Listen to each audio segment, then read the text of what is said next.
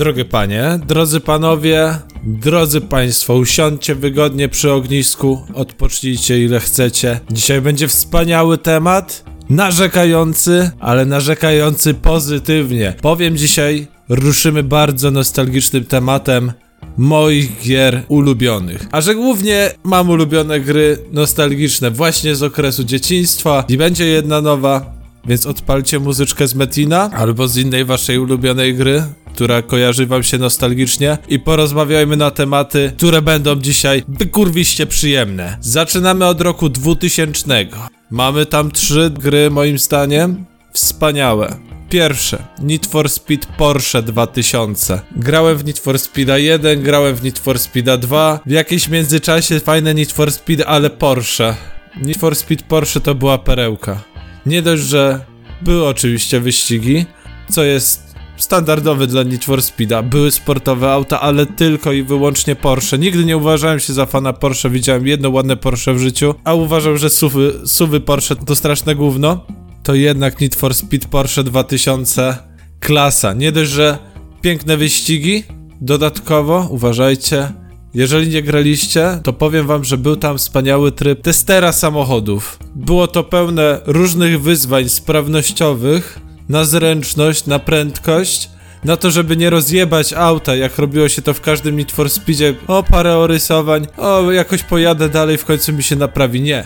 Need for Speed Porsche, miód. To była po prostu gra doskonała. Największym dla mnie zdziwieniem, jak w 2000 roku można było zrobić doskonałą grę, było moment, w którym już, to był chyba rok 2010, podłączyłem swoją kierownicę nową którą dostałem od mojego chrzestnego, kierownicę Momo Racing. Momo Racing miała taki atut, że miała dwa wbudowane silniki i oddawała opór kierownicy przy skręcaniu, ale w Need for Speedzie Porsche 2000 zrobiono coś o wiele lepszego. Każde auto miało indywidualną wibrację silnika, którą ta kierownica przenosiła. To było tak zajebiste wspaniałe uczucie. Nie dość, że ustawiasz sobie kamerę za szyby, czego nigdy nie robiłem, ale jak, jak miałem już tę kierownicę, to, to było wymagane. Dotykasz okrągłej kierownicy, a ona wspaniale wibruje. Słyszysz dźwięk silnika na twoich słuchawkach, zaczynasz wyścig, czy zaczynasz test. Było to naprawdę niesłychane przeżycie po tylu latach od pierwszego zagrania w to. Naprawdę, jeżeli nie graliście w Need for Speed Porsche 2000, wróćcie do tej gry, dajcie jej szansę. Jest naprawdę zajebista jak na tamte czasy i myślę, że w tych czasach również będziecie świetnie się bawić. Pum! Kolejna gra. Też 2000, jak mówiłem, to już będzie druga gra z trzech z tego roku. Colin McRae Rayleigh 2.0. Oj, ale to była gra, ale to była ściganka. Pierwszy raz grałem to właśnie wtedy u mojego chrzestnego na jego kompie i strasznie się jarałem. Jak każda dobra gra śniła mi się pewnie potem po nocach i bardzo niedługo potem był Mikołaj i mój chrzestny dał mi pierwszy komputer z zainstalowanym Colinem McRae Rayleigh 2.0. Jaka to była zajebista gra. Jakie to były wspaniałe tory, jak przy tym się zagrywało całymi godzinami. Pamiętam jak ja spałem i mój stary napierdalał na moim kompie w Colina McRae Rayleigh 2.0. W 2000 roku ta gra wyszła i do tej pory z mojego serca wyjść nie może. Nie grałem specjalnie, w, chyba w Colina McRae 4 grałem, ale już te nowsze edycje nie. Grałem jeszcze w, w jakieś WRC. Nigdy ten temat mnie nie jarał, ale Colin McRae Rayleigh 2.0 wspaniałe. Wyobraź sobie, że znowu jesteś w drugiej klasie podstawówki. Wyobraź sobie, że nie masz za dużo zadania, że masz cały weekend dla siebie. Wstajesz rano w swojej wymiętej piżamce, mama robi ci kakao, słyszysz jak komputer odpala się powoli, bardzo powoli, bo to były stare komputery jeszcze z kineskopem. Odpalasz Colina McRae, wybierasz sobie ulubione auto i zapierdalasz. I tylko słyszysz 4 w prawo, 7 w lewo. Uwaga, hoppa. No zajebista gierka. Jak na mój wiek wtedy dziecięcy, byłem szczerze zakochany w Kolinie. Kolejny rok 2000 i w sumie też 2003 ewenement dla polskich graczy kupowany w gazetkach. Bohater z rękawicami i ogonkiem. Kangurek Kao. Planowałem zrobić odcinek, w którym będę się dopierdalać do gier, które uwielbiam, do starych klasyków dla polskich graczy, którzy wychowali się na tych grach, żeby pękły im dupy, ale jak doszedłem do Kangur Kakao, stwierdziłem, nie da się. Ta gra była tak dobra. Świetne zagrania platformówkowe, elementy walki, akcja, Kangurek Kao, który był wspaniałym bohaterem tamtych czasów. I Kangurek Kao runda druga, ale by w to teraz ponapierdalał. Ta gra była wyjątkowa pod każdym względem. I też wyobraź sobie, jesteś w kolejnej klasie. Odpalasz znowu bardzo powolny komputer, włączasz kangur kakao, runda druga. Biedny kangurek kakao potrzebuje twojej pomocy. Biedny kangurek kakao nie wie co począć. Ale ty wiesz, ty doprowadzisz kangur kakao do samego końca i będzie to przygoda dla ciebie. I dla wszystkich twoich kolegów z klasy, którym pożyczysz płytkę z kangurkiem Kao. Teraz kolejny tytuł, już 2004, ale tutaj możemy powiedzieć sobie o wiele więcej z mojej pamięci, bo grałem w to długo, ale nie osiągałem wysokich poziomów. Mowa tutaj o azjatyckim MMORPG. Muzyczkę na pewno byście kojarzyli, gdybym teraz włączył Metin 2. Ja wiem, że wiele osób o, Tibia była zajebistym MMORPG. Chuja, nie była, był Metin 2. Tibia była w chuj nudna. Dla mnie osobiście próbowałem wiele razy, nie dochodziłem daleko, odpuszczałem sobie ten tytuł. To był tytuł tak zakurwiście nudny, że nawet gdybym był zamknięty w czterech ścianach i jedyne co miałbym do robienia to granie w Tibie, to wolałbym się masturbować z wentylatorem. W wentylatorze. Jedyne co bym wolał zrobić to odciąć sobie paluchy. Albo po prostu umrzeć. Ale Metin 2. Słuchajcie, ja w Metina 2 nawet bym teraz ponapierdalał. Co było wspaniałego? Muzyka. Muzyka była zapętlona, charakterystyczna. Każdy, kto ją włączy, a grał w Metina, odpali mu się automatycznie nostalgia. Nie dość, że zajebiście nudne grindowanie, połączone z zajebiście prostymi misjami, to do tego wspaniała muzyka, azjatycki klimat. Każdy w to grał, każdy prawie grał wojem. Body, a mental ssał, ale ja grałem mentalem, bo było o wiele łatwiej wtedy farmić na 25 poziomie medale konne. Grałem, więc mentalem. Potem zamiera przed 30 zmieniałem na body, bo jeszcze po, po 30 już nie można było tego zmienić. Aczkolwiek tutaj aż cisną mi się na usta bardzo zabawne historie. Mianowicie mały Kid Victor znalazł sposób, jak dorobić się na swoim serwerze. Tym sposobem było łapanie ryb, otwieranie ich, a w nich były co? Małże. A małże były drogie. Więc uważajcie, Wiktor siedział przez 7 dni. Od 7 do 24 łapał ryby. Dlaczego nie na bocie? Bo każdy mówił, nie no, jak pojawi się chmurka, to musisz poczekać 3 sekundy i dopiero wtedy. Ale jak masz jeszcze ten dodatek do konsumpcji, który pokazuje ci jaka ryba bierze, to odpowiednie ryby w odpowiednich sekundach. No i co Wiktor robił? Siedział. Od 7 do 24. Patrzył jaka ryba mu bierze, liczył sekundy. BUM! Wyciągał ryby i zarabiał! A potem sobie kupował ryby i FMS-y na plus 9. Bo nie chciał ulepszać, bo miał bardzo przykre wspomnienia. I właśnie wróćmy do tych wspomnień. Uważać, Metin 2 to była jedyna gra, w której naprawdę rage quitowałem wraz z opcją odinstalowania gry. Nie wiem ile Metina 2 odinstalowałem razy, na pewno w chuj, ponieważ za każdym jebanym kurwa razem Kowal spalał mi Riba albo FMS-a. Byłem wkurwiony? Tak. Czy kochałem tę grę? Chwilowo kurwa nie, a tym bardziej Kowala. Aczkolwiek...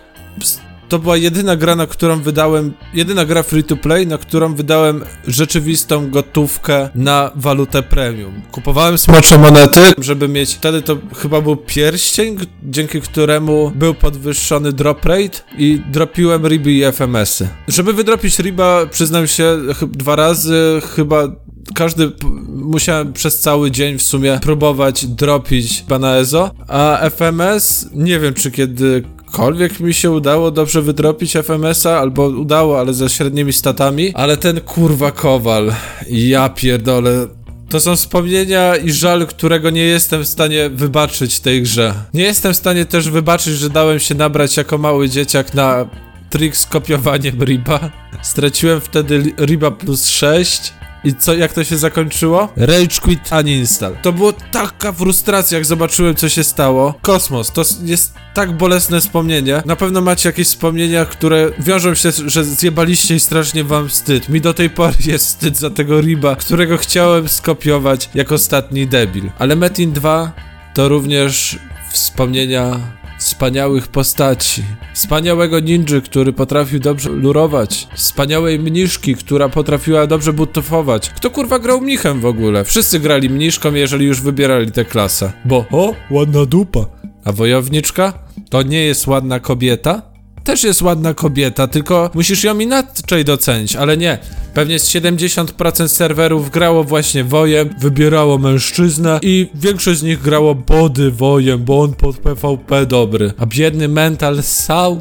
Tak nam się wydawało, a mental też był dobry. Trzeba go docenić. Hashtag kocham mentala, ale nie tak serio ale szanuję go. Więc po Metinie 2, co robił Wiktor? No, Wiktor po raz pierwszy założył swego Steama, ponieważ dostał grę też z 2004 roku na płycie i był Steam wymagany. Mowa tutaj oczywiście o klasyku klasyków shooterów, uważany na wielu rankingach za top 1 FPS, FPS-ów. Tak to się mówi? FPS-y?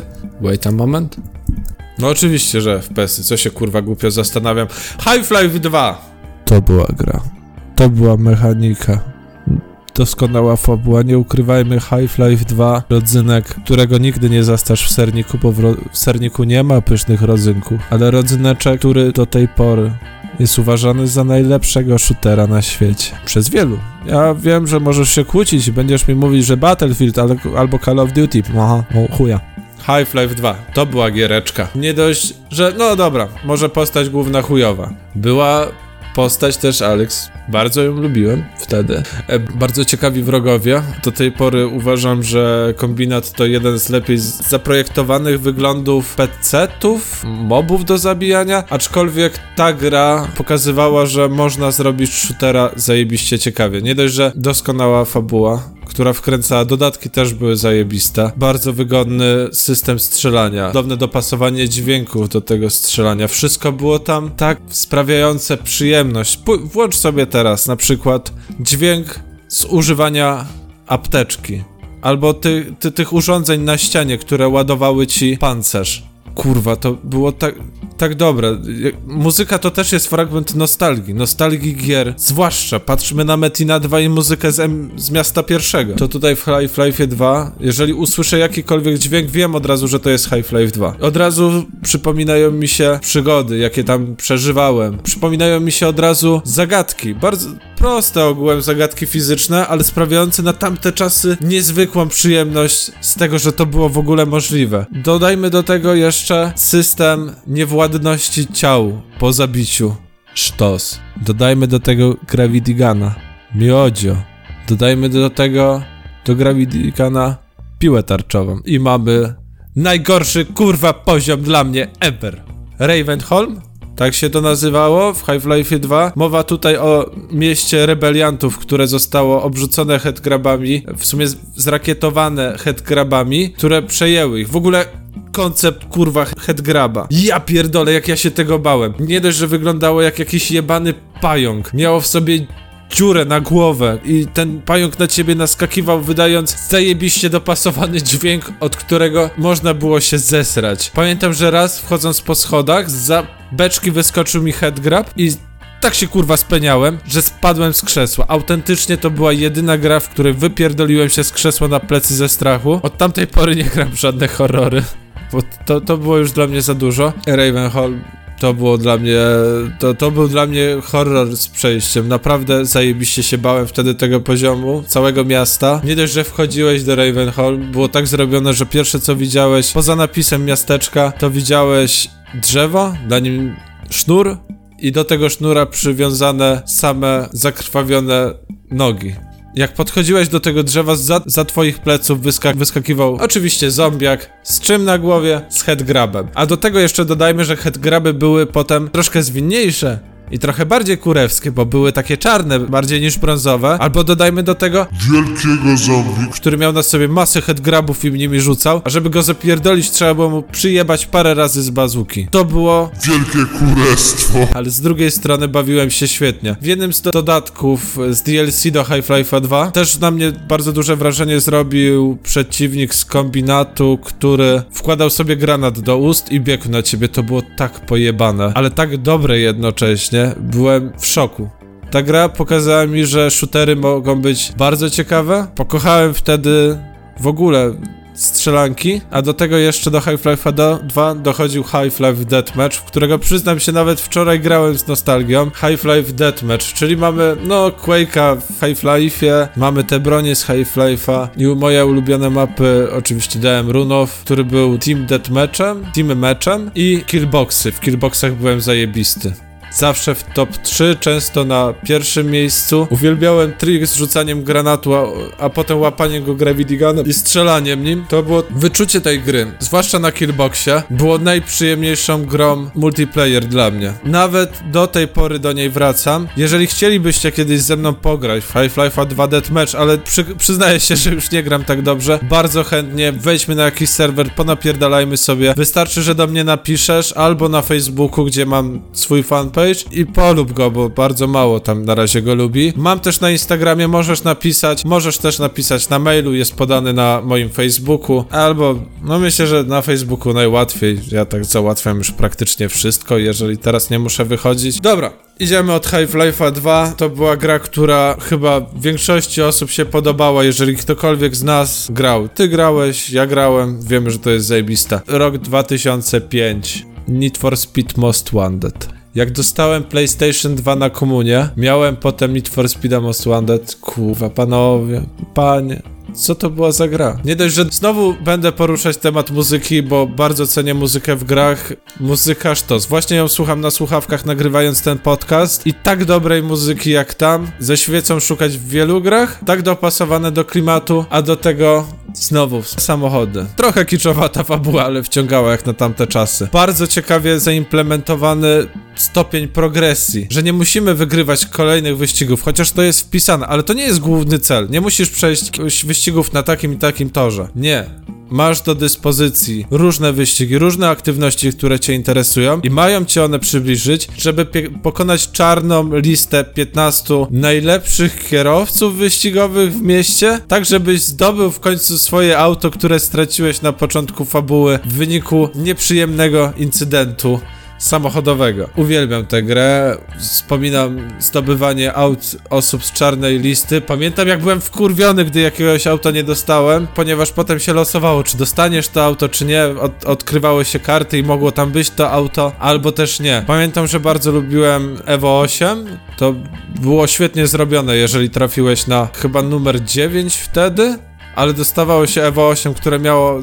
Te, te, te, postacie z czarnej listy miały auta tak pomalowane w sposób, którego nie, mo nie mógłbyś osiągnąć samodzielnie. Było parę aut słabych, myślę, że Mustang był taki średni, chociaż bardzo lubię amerykańskie auta i, i moim marzeniem wielkim życiowym jest posiadanie Dodge'a Chargera z 70 roku. Jeszcze w największej pojemności silnika oczywiście, bo jak szaleć to szaleć 7,2 litra, jeżeli się nie mylę. Wspaniałe, bryki amerykańskie. No tutaj, jeżeli chodzi o Need for Speeda, Most Wanted to tak średnio, aczkolwiek Lamborghini Gallardo, chyba moje ulubione auto z tej części, ale zwróćmy uwagę jeszcze kurwa na jedną wielką porażkę. W momencie, w którym pokonywałeś trzecią osobę na czarnej liście, odblokowywały się już wszystkie możliwe części do twojego samochodu, czyli można było już go wymaksować i lecieć dalej z fabułą, już nie musiałeś tuningować tego auta. I wtedy pojawiło się dla mnie i dla mojego ojca niezłe odkrycie. Mianowicie, Punto po ulepszeniu na maksa, tak? Mowa tutaj o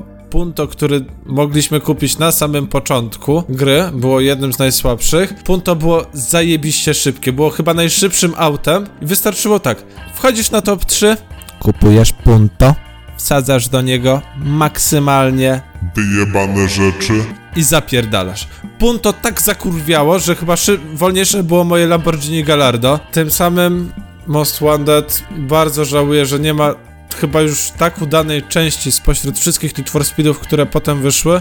Chociaż ostatnia część podobno była bliska dobrej grze, ale parę rzeczy było skrzanionych. Brakuje mi tego, żeby powstała gra godna następstwa Need for Speed Most Wanted. Oczywiście Carbon był dobry, aczkolwiek czegoś mu tam brakowało, chociaż przyznaję, że bardzo mi brakuje trybu driftu, który był w Carbonie w Need for Speed Most Wanted, ponieważ w Carbonie naprawdę wymasterowałem drifty Uwielbiałem driftować. Często spotykałem się z moim kumplem i na zmianę driftowaliśmy i spisywaliśmy, kto robi największy wynik. Praktycznie driftowało się do tego poziomu, że bez żadnych zderzeń przejeżdżaliśmy całe tory, nie przerywając w ogóle naszego combo, tylko przerywało je przekroczenie mety. I 2005 rok to jest również wspaniały rok dla gier sportowych, powiedzmy, bardziej arcade'owych, czyli Tomasz Jastrzębowski, American Wasteland.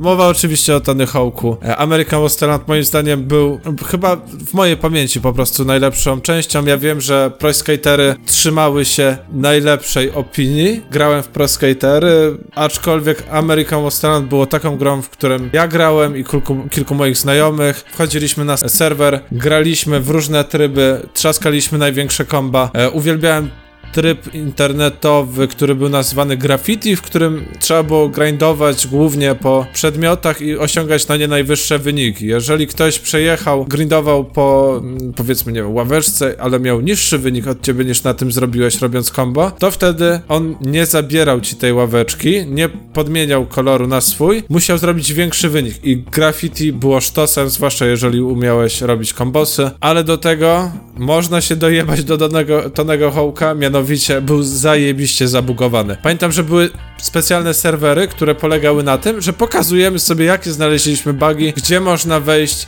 pod jakie tekstury, gdzie do jakichś tajemnic, gdzie wyjść poza mapę, ale miało to swój urok. Jak na tamte czasy dla mnie, Tony Hawk, jeszcze do tego znowu muzyka. Przecież tam były klasyki takiego amerykańskiego rocka. Był na przykład Green Day, Holiday, gra, którą chciałbym zagrać jeszcze raz, ale serwery zostały już zamknięte.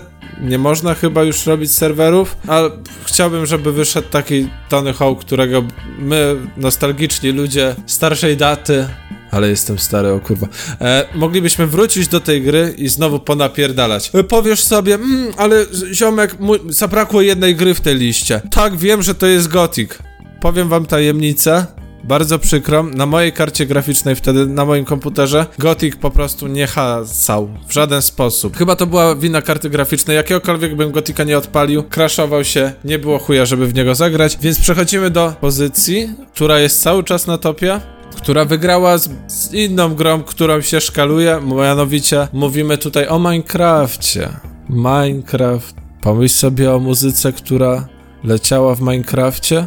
Pomyśl, jak dobrze było zbudować sobie domek. Jak dobrze byłoby teraz zasiać roślinki przy domku. Pomyśl sobie, jak bardzo byś chciał już zrobić pierwszą żelazną zbroję.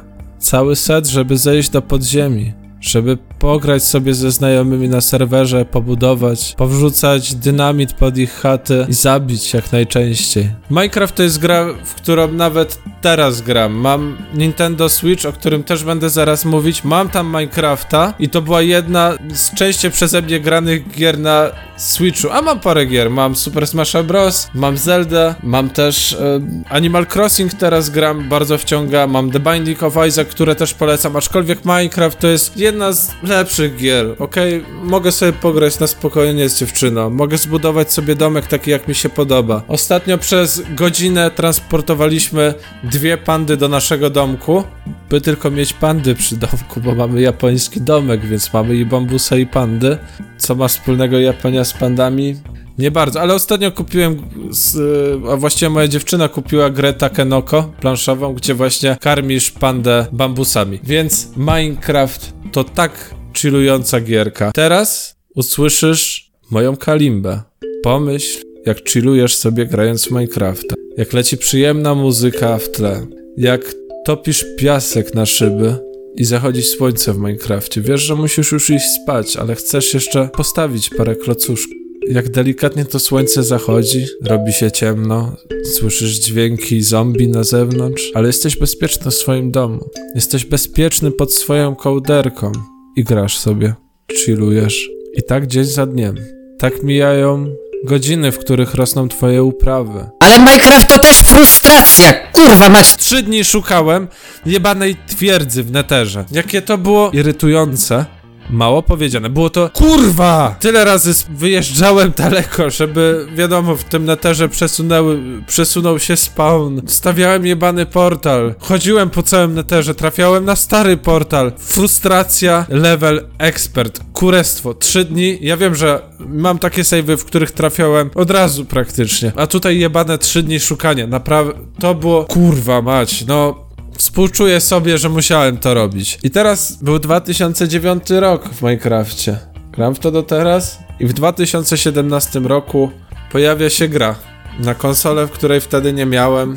Mowa oczywiście o Zeldzie Breath of the Wild. Kupiłem specjalnie Switcha, nie ukrywam, żeby pograć w Zelda, ale byłem też e, fanem Nintendo wtedy. Miałem kilka 3DS-ów, miałem Game Boy Advance, miałem Nintendo DS i Miałem Game Boya Classica czarno-białego i byłem chory. Jak wyszedł Switch, pierwszy trailer Switcha, byłem mmm, O, mm, Panowie, panie, o, ale to będzie zajebista konsola. I wtedy też zobaczyłem Zelda, a co najgorsze, zobaczyłem potem gameplaye Zeldy, recenzję Zeldy i mówię sobie, nie no kurwa, muszę na to odłożyć. Ta Zelda jest tak, tak zajebiście zrobioną grą RPG. Owszem, e, Skyrim też jest sztos, uwielbiam Skyrima, czasem do niego wracam, ale Zelda pokazała mi, że można się w tym RPG bawić inaczej. Psucie się broni, straszne kurestwo, nie lubię tego, bo masz fajną broń, jakoś dopasowujesz do siebie, ona się niszczy, wiadomo, ma to swój cel w budowaniu gry, Ech, ale te, ta gra pokazywała mi, że można się fajnie bawić. Można odkrywać ten świat w taki sposób trochę dziecinny. Widzisz na przykład kółko zrobione z kilkunastu kamieni i widzisz, że jeden kamień leży tak rzucony. No to co? Weźmiesz ten kamień i położysz. Przecież każdy lubi, jak coś jest idealnie zrobiona. I nagle wyskakuje ci korok i mówi: Ło, masz tutaj korok seed. I potem możesz wymienić sobie to na sloty, na przykład na broń.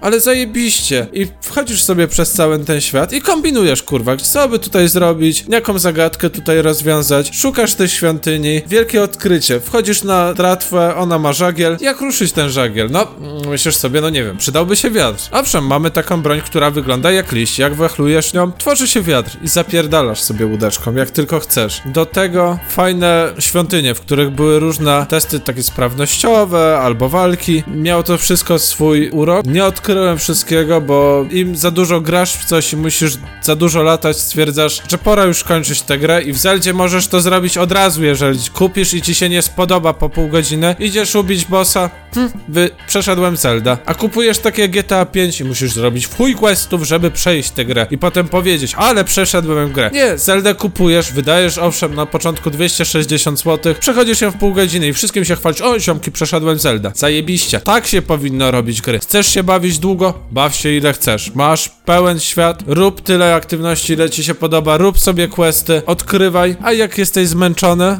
przecież nie musisz. Przecież dobrze wiesz, co masz zrobić od samego początku. Musisz uratować Zeldę. Więc idziesz jako dzielny Link, pokonujesz Ganona, kończy się gra. Aczkolwiek przyznaję, o wiele lepiej odkryć tę fabułę, pobawić się tą grą, znaleźć piękno tej gry na spokojnie. Myślę, że 100 godzin to jest wystarczająca ilość, żeby się zakochać w tej grze żeby się też nie zajebać przez tę grę, bo nam się znudzi, bo Zelda no, też ma swoje mankamenty. Moja dziewczyna uważa, że jest bardzo pusty ten świat, że owszem, jest tam dużo lasów, dużo przestrzeni, ale wszystko wydaje się takie puste. I można się trochę zmęczyć też szukaniem na przykład świątyń, czy rozwiązywaniem zagadek, dlatego jeżeli uważasz, a grasz w Zeldę i uważasz, że jeżeli będziesz grał jeszcze kilkadziesiąt godzin, to stracisz serce do tej gry. Przejdź ją.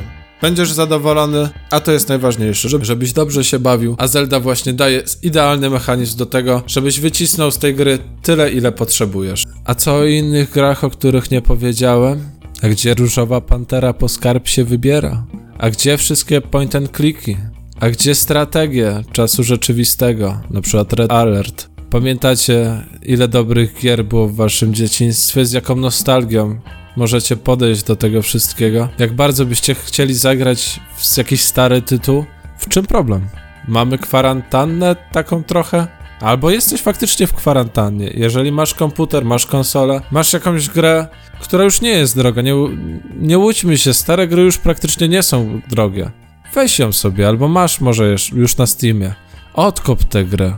Daj jej jeszcze raz szansę, żeby dobrze się z tobą pobawiła. Mam nadzieję, że odpocząłeś w tym podcaście. Mam nadzieję, że ogień ogniska rozgrzał twoje serduszko że odbił wspaniałe refleksy na twojej uśmiechniętej twarzy i z łezką wokół możemy się teraz pożegnać. Trzymaj się cieplutko, bo w następnym podcaście nie będzie już kurwa tak wesoło. Żegnaj!